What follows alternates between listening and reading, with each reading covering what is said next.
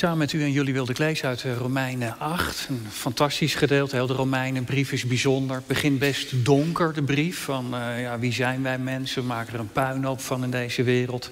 Vervolgens gaat het over de rechtvaardiging. Dat je door het geloof recht voor God komt te staan. En dan gaat het ook over hoe je mag leven door de geest als christen. Hoe God je in deze wereld wil neerzetten. Gaan we een gedeelte van lezen. Doen het uit Romeinen 8. En ik lees vanaf vers 18. Paulus die zegt daar tegen die gemeente in Italië: Ik ben ervan overtuigd dat het lijden van deze tijd in geen verhouding staat tot de luister die ons in de toekomst zal worden geopenbaard. De schepping ziet er al rijkhalsend naar uit dat openbaar wordt wie Gods kinderen zijn. Want de schepping is nu nog ten prooi aan zinloosheid. Niet uit eigen wil, maar door hem die haar daaraan onderworpen heeft. Maar ze heeft hoop gekregen. Omdat ook de schepping zelf zal worden bevrijd uit de slavernij van de vergankelijkheid. En zal delen in de vrijheid en de luister die aan Gods kinderen wordt geschonken. Wij weten dat de hele schepping nog altijd als in barensweeën zucht en lijdt. En dat niet alleen, ook wij zelf, die als voorschot de geest hebben ontvangen. Ook wij zuchten in onszelf in afwachting van de openbaring dat we kinderen van God zijn. De verlossing van ons sterfelijk bestaan. In deze hoop zijn we gered. Als we echter nu al zouden zien waarop we hopen, dan zou het geen hoop meer zijn. Wie hoopt er nog op wat hij al kan zien? Maar als wij hopen op wat we nog niet zichtbaar is, blijven we in afwachting daarvan volharden. De geest helpt ons in onze zwakheid. Wij weten immers niet wat we in ons gebed tegen God moeten zeggen, maar de geest zelf pleit voor ons met woordloze zuchten. God die ons doorgrondt, weet wat de geest wil zeggen. Hij weet dat de geest volgens zijn wil pleit voor alle die hem toebehoren. En wij weten dat voor wie God liefhebben, voor wie volgens zijn voornemen geroepen zijn, alles bijdraagt aan het goede. Wie hij al van tevoren heeft uitgekozen, heeft hij er ook van tevoren toe bestemd om het evenbeeld te worden van zijn zoon. Die de eerstgeborene moest zijn van talloze broeders en zusters. Wie hij hiertoe heeft bestemd, heeft hij ook geroepen. En ieder die die geroepen heeft, heeft hij ook vrijgesproken. En wie hij heeft vrijgesproken, heeft hij nu al laten delen in zijn luister. Nou, daar willen we bij stilstaan. We vooral wat toegespitst op die versen 22 en 23 lees ik nog even met je. Daar staat, wij weten dat de hele schepping nog altijd als in barensweeën zucht en lijdt. Dat niet alleen, ook wij zelf, die als voorschot de geest hebben ontvangen. Ook wij zuchten in onszelf in afwachting van de openbaring dat we kinderen van God zijn. De verlossing van ons sterfelijk bestaan.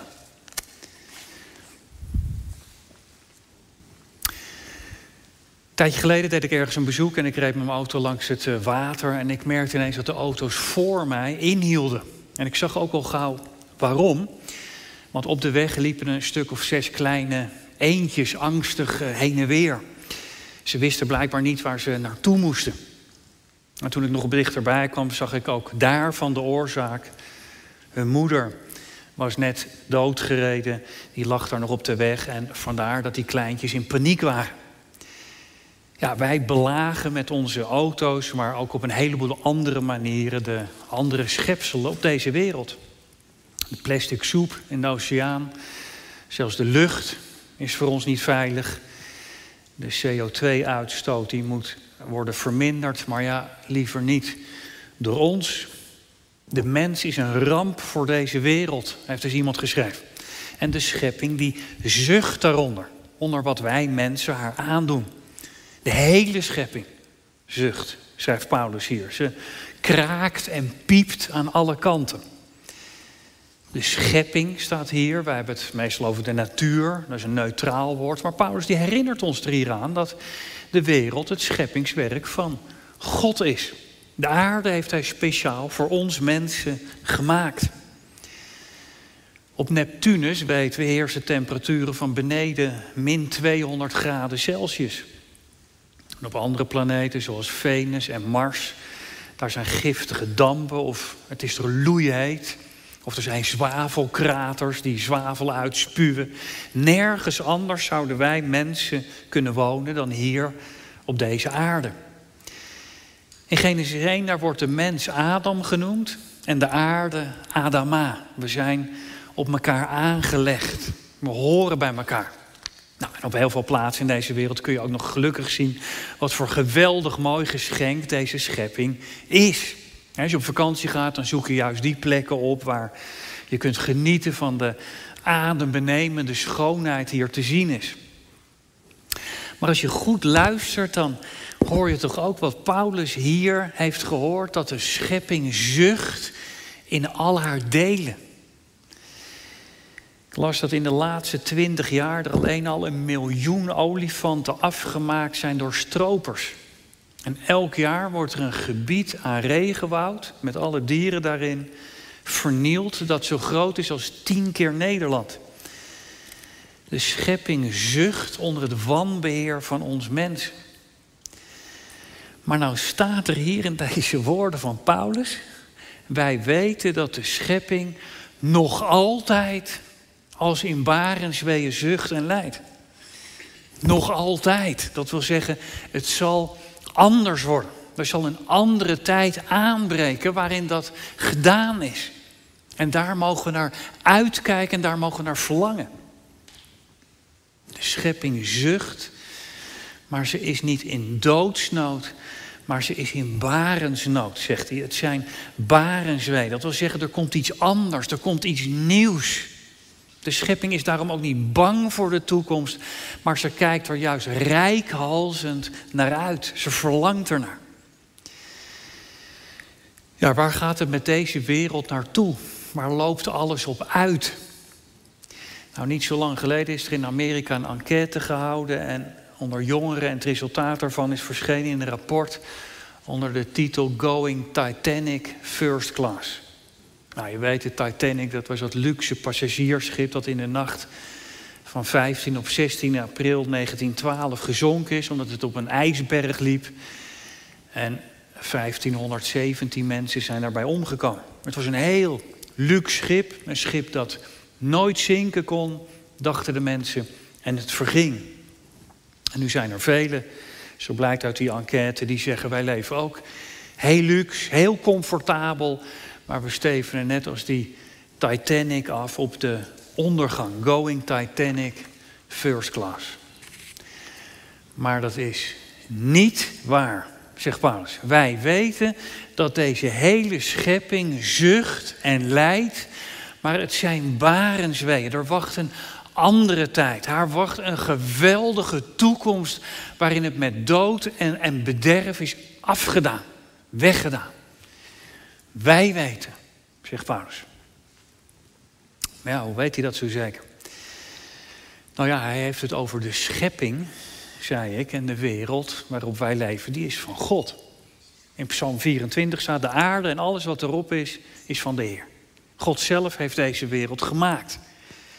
En hoe ga jij om met dat wat jij gemaakt hebt? Er zijn tegenwoordig nogal wat mensen die amateurschilder zijn. Ik ken ook van die mensen die heel hun huis hebben volhangen met eigen werk. En dat laten ze dan vol trots zien. En ik merk ook hoe gehecht die mensen daaraan zijn, aan wat ze zelf hebben gemaakt. Of ik kom ook wel eens bij vrouwen die heel ijverig borduren. En het resultaat daarvan hebben ze ingelijst aan de muur gehangen. En dat laat ze ook vol trots zien. Want daar hebben ze iets van zichzelf ingelegd. Wat je gemaakt hebt, daar ben je ook aan gehecht. En dat laat je niet zomaar eh, verloren gaan. Als je als je rommelmarkt zou hebben hier in de kerk, dan geven de mensen dat niet mee, want dat is iets van henzelf. Nou, God heeft deze wereld gemaakt en dacht je nou dat hij haar de dupe liet worden van wat wij mensen haar aandoen? Vergeet het maar.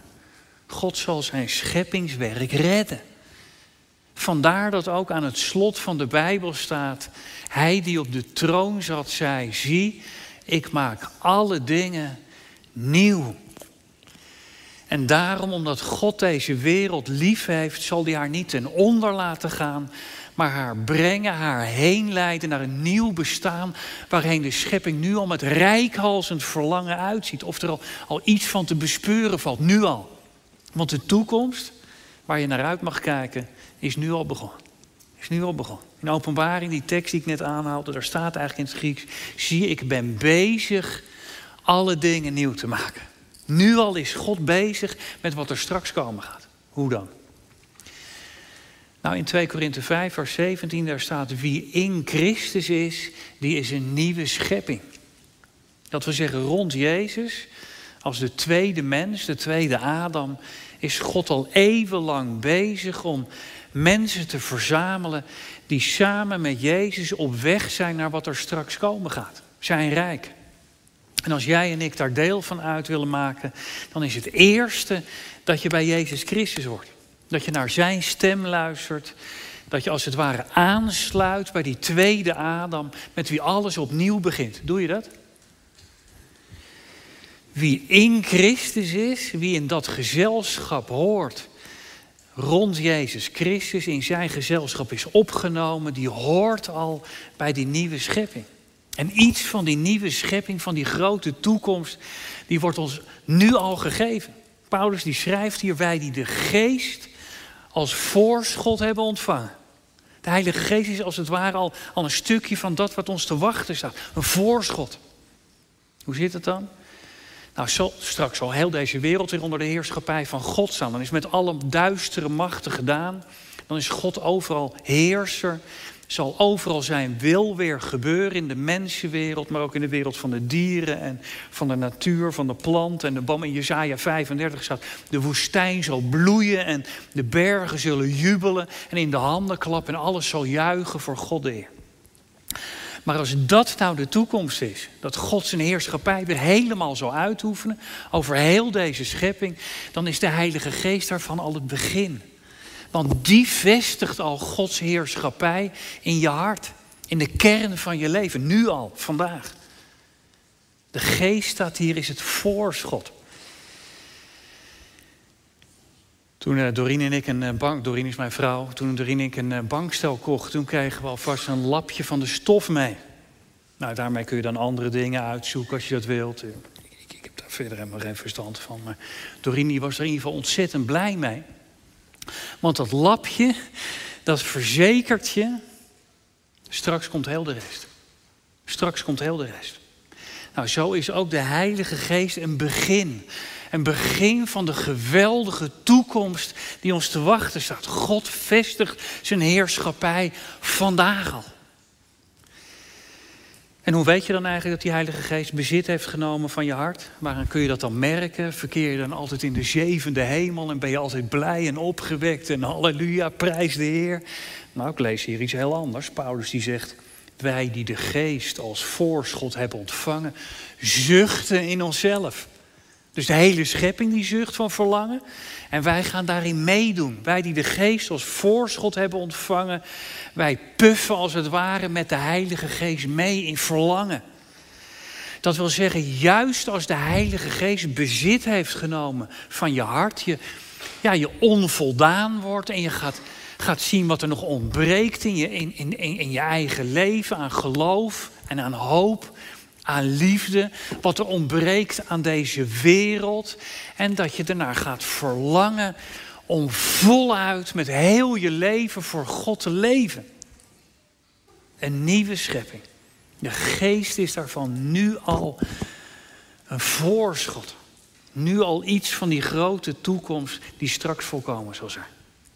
En zeg, zou je dan niet nu al iets van die mooie grote toekomst die nieuwe wereld hier al laten zien om je heen. Als nieuwe mensen die al delen in die heerlijkheid van God. Om, om iets van, je, van die heerlijkheid om je heen te laten zien, jij en ik.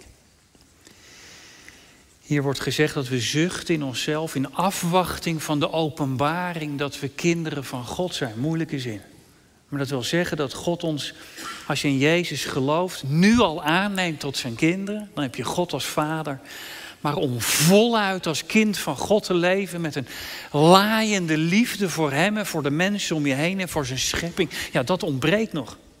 In afwachting van de openbaring dat we kinderen van God zijn. De verlossing staat hier van ons sterfelijk bestaan. Dat wil niet zeggen dat je er naar verlangt dat je van je bestaan verlost wordt, maar dat je zelf ook gaat delen in die verlossing, in die heelheid, in die volkomenheid van Gods Rijk.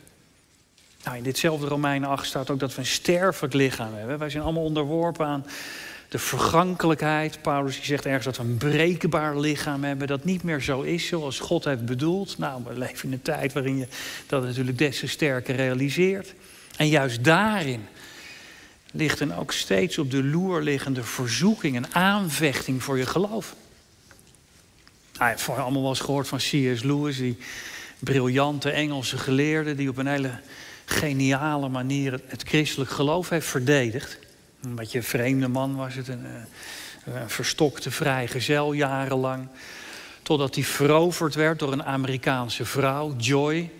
En met haar trouwde hij. Maar kort na haar huwelijk werd ze ziek en ze stierf. En dan schrijft Louis: Ik ben niet bang om mijn geloof te verliezen. Maar ik ben er zo bang voor dat ik nou vreselijke dingen ga denken over God. Ik ben er bang voor niet dat ik zal zeggen: God is er niet meer. Maar dat ik zal zeggen: Hij is blijkbaar zo, zo ontzaglijk vreed dat hij je wat moois geeft. En daarna ook weer afpakt. Dat is mijn aanvechtingsrecht. Dus juist in alles wat met ons lichaam te maken heeft, met ziekte en vermoeidheid en, en noem maar op, ligt ook een aanvechting voor je geloof. Vandaar dat ook in openbaring, als het over die nieuwe wereld gaat, wordt, meteen wordt gezegd, de dood zal vernietigd worden. Er zullen geen graven meer worden gedolven, er zal geen rouw meer zijn. Als God alle dingen nieuw maakt, dan zeker dat. Nou, daar zien we samen naar uit. Want die toekomst betekent vrijheid en luister voor Gods schepping. En daarom trilt er door heel de schepping een, een, een zucht van verlangen, een rijkhalsend verlangen naar de dag van Gods heerlijkheid. Zo snakt heel die schepping naar de onthulling van de luister van Gods kinderen. De dag waarop alle dingen nieuw zullen worden gemaakt. Het slot van de Bijbel, daar staat in de geest en de bruid die zeggen: Kom, kom, Heer Jezus, in al uw luister. Alsjeblieft, het duurt te lang. Verlangen. De dag dat al het oude zal hebben afgedaan. Alle dingen nieuw. Heerlijk. Dominee Woeldering, die, uh, een bekende predikant, op 20 november raakte een bus te water in de IJssel. Drie van zijn kinderen zijn daarbij omgekomen. En op 7 november preekte hij zelf over de tekst. Wie op God zijn geloof bouwt, zal nooit teleurgesteld worden. Als je op deze God je geloof bouwt en je hoop, als je vastklemt aan wat Hij heeft beloofd, dat het lijden van deze tijd in geen verhouding staat met de heerlijkheid die in de toekomst zal worden geopenbaard, dan hou je het in deze wereld uit. Let goed wat, wat, wat, er staat hier. Het lijden van deze tijd. Dan kun je allemaal indenken wat je op het nieuws ziet en wat je zelf ervaart. En wat je van andere mensen hoort. Het lijden van deze tijd. Ja, dat, dat is ontzaglijk groot. Dat staat in geen verhouding, zegt Paulus. Hij gebruikt het beeld van een weegschaal. Die ene schaal leg je het leed van de wereld. En dat is zo zwaar dat die schaal onmiddellijk naar beneden gaat. Maar zegt hij, leg nu in die andere schaal de luister die ons in de toekomst zal worden geopenbaard. De geweldige wereld die ons te wachten staat, die God voor ons heeft bereid. En die schaal van het leed, die gaat onmiddellijk omhoog, omdat het niet opweegt tegen de luister die ons zal worden geopenbaard. Hoe ontzaglijk groot moet die luister dan zijn? En zouden wij zouden wij dan al niet iets van die luister en van die heerlijkheid en dat licht dan al laten zien? Jullie, zei Jezus, jullie zijn het licht in deze donkere wereld, een nieuwe schepping, de Heilige Geest, een voorschot. Nou, wie op Hem zijn geloof bouwt, die zal straks in die volle heerlijkheid delen, volkomen. En nu al mag je er soms glimpen van zien. Wat er in deze wereld bewaard is aan prachtigs Een mooie vakantietijd. Geniet je ervan een avond aan zee. Een wandeling door de bergen. Wat is zo ontzettend veel te genieten. En juist dat laat je verlangen naar een schepping die helemaal gaaf zal zijn. Maar ook in allerlei andere dingen zie je al iets oplichten van het rijk dat komen gaat in een mooi gedicht of in aangrijpende muziek of zomaar in iets heel moois. Martinus Nijhoff die heeft het in een van zijn gedichten over een werkster die een koperen plaat aan het poetsen is. Hoe spiegelend, hoe smetteloos de woestijn zal bloeien als een roos. Je weet, dat zijn woorden uit Jezaja 35, dat verbindt hij daar zomaar aan. een prachtig, smetteloos blinkend bord, dat geeft al iets aan van hoe het straks zal zijn. Want de aarde kent uw grote kracht. Uw stem heeft haar tot stand gebracht. Kijk op, laat los, vertrouw op Hem. U geeft rust door alle zijn. Zullen daarvoor bidden? Heere God, u bent schepper van hemel en aarde, de grote kunstenaar en architect. En we zijn onder de indruk hoe mooi u alles heeft gemaakt. Deze wereld speciaal voor ons, een cadeau uit uw handen. Heer, tegelijkertijd horen we vandaag aan de dag onze schuld, het kraken en het piepen van uw schepping. En is ons verlangen groot naar de openbaring van die dag dat we echt voluit uw kinderen mogen zijn. Dat uw heerlijkheid weer overal te zien is. Heer, wat zou dat heerlijk zijn. Een wereld zonder ziekte, zonder rouw, zonder lijden, zonder fouten en missers die wij maken. En u in het centrum. Heer, we kijken uit naar wat u gaat doen. En wilt u ons toerusten door uw Heilige Geest. Het voorschot van uw grote toekomst. Wilt u ons toerusten door uw geest om iets wat glimpen van uw koninkrijk al te laten zien. Licht in het donker. We danken u dat u bezig bent vandaag en op weg bent naar de grote dag. Dat u volledig aan uw eer komt. Vader, Zoon en Heilige Geest. Geprezen zij uw naam. Halleluja. Amen.